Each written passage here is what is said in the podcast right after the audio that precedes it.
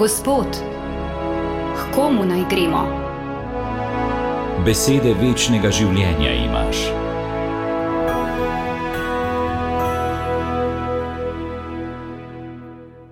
Drage kraljične in kraljeviči, prisrčno pozdravljeni na praznik Kristusa, kralja vesolstva. Morda se vam zdi ta pozdrav malo nenavaden, a je gotovo resničen v smislu poimenovanja Kristusa s kraljem.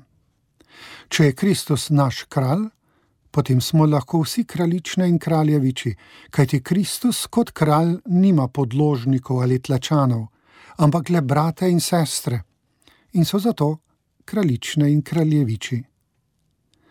Vendar nas to ne sme zanesti v kakšen triumfalizem, saj nas zadnja nedelja v cerkvenem letu kljub vsemu krepko postavi v realnost Kristusovega kraljevanja.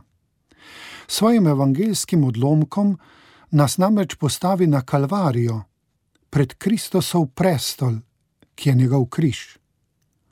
Okoli njega pa je večina takih, ki v njem ne prepoznavajo svojega kralja, ker ga že vsi imajo in mu tudi vsak na svoj način služijo. Eni rimskega, drugi judovskega, kakšen pa ima za kralja kar samega sebe.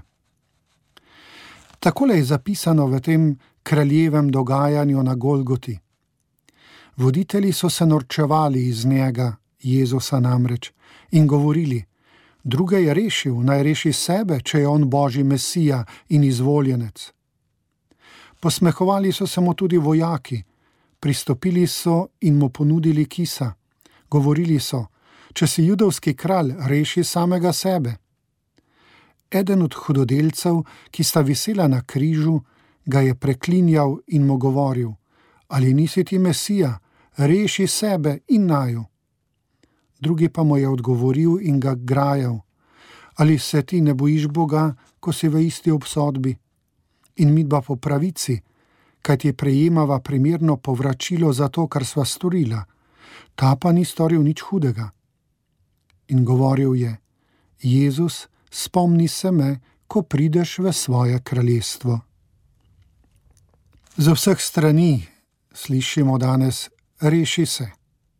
Vsak dan rešujemo tisoč stvari, na računalniku dokumente in datoteke, razne ekipe, športne in druge, se rešujejo iz izgubljenih položajev, Dončić rešuje Dallas, celo v šoli se kdaj rešimo spraševanja, politiki že pregovorno edini rešujejo državo. Geslo rešiti slovari razložijo z ne izgubiti, ne pozabiti, ne propasti. Skratka, biti gospodar svojega življenja in svojih stvari. Ko je Jezus na križu, vsi vprek pijejo, da se naj reši. Ljudje ga gledajo, če bo dokazal, da kaj velja. To je logika sveta, v katerem živimo. Že od malega, od bratov naprej so me izzivali, naj dokažem, koliko veljam in kaj zmorem. In vedno bolj verjamem, da ta pristop ne rešuje, ampak ubija. Vzbuja strah in negotovost, ker me fiksira na napačen osebek, na jaz. Jezus se upre tej logiki in sprega ta glagol drugače. Njegova pozornost ni v smeri, kako bo rešil sebe, ampak kako bo rešil druge.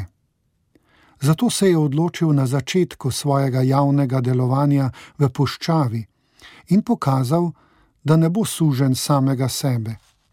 Svojih moči že takrat ni želel uporabljati zase. Ni se odločil živeti kot egoist. In gledajte, drage poslušalke in poslušalci, prav to pomeni biti kralj. Nekoč sem mislil, da je egoizem lažje rešiti, kot je v resnici.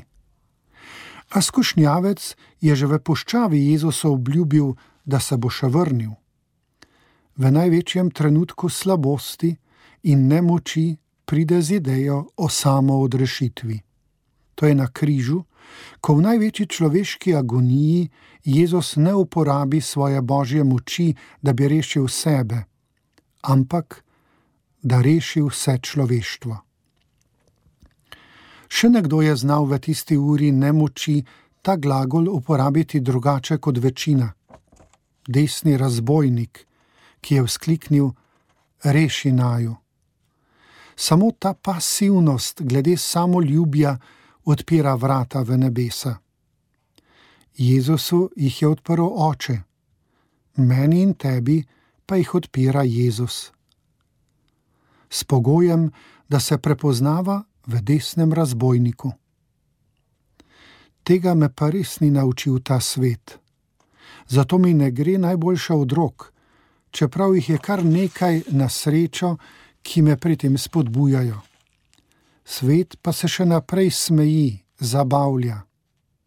Ampak kljub temu zmorem reči, Jezus je pa res car. Danes začenjamo tudi teden Karitas pod geslom Skupaj delajmo za dobro. In kaj je dobro? Vse, kar je v luči kraljevanja našega kralja. On je vse zastavil za naše dobro, zato je prav, da za vso močjo, ki jo premoremo, tudi mi zastavimo življenje za dobro vsakega in vseh. Vse zastavimo za dokončno dobro, ki je v odrešenju. Odrešenje pa pomeni udeleženost na Kristusovi zmagi na križu, nad smrtjo. Ko delamo za dobro v tem zemeljskem življenju, kar je seveda zelo pomembno, predvsem za tiste, ki nimajo temeljnih dobrin za človeka vredno življenje, ne smemo pozabiti, da nismo veliko storili, če nismo poleg zemeljskega dobrega omogočili ljudem tudi večno dobro. Bodite dobro, dobri ljudje, in delajte za telesno in duhovno dobro za vse, ki so vam poslani na pot življenja, in božji blagoslov naj vas spremlja povsod. Amen.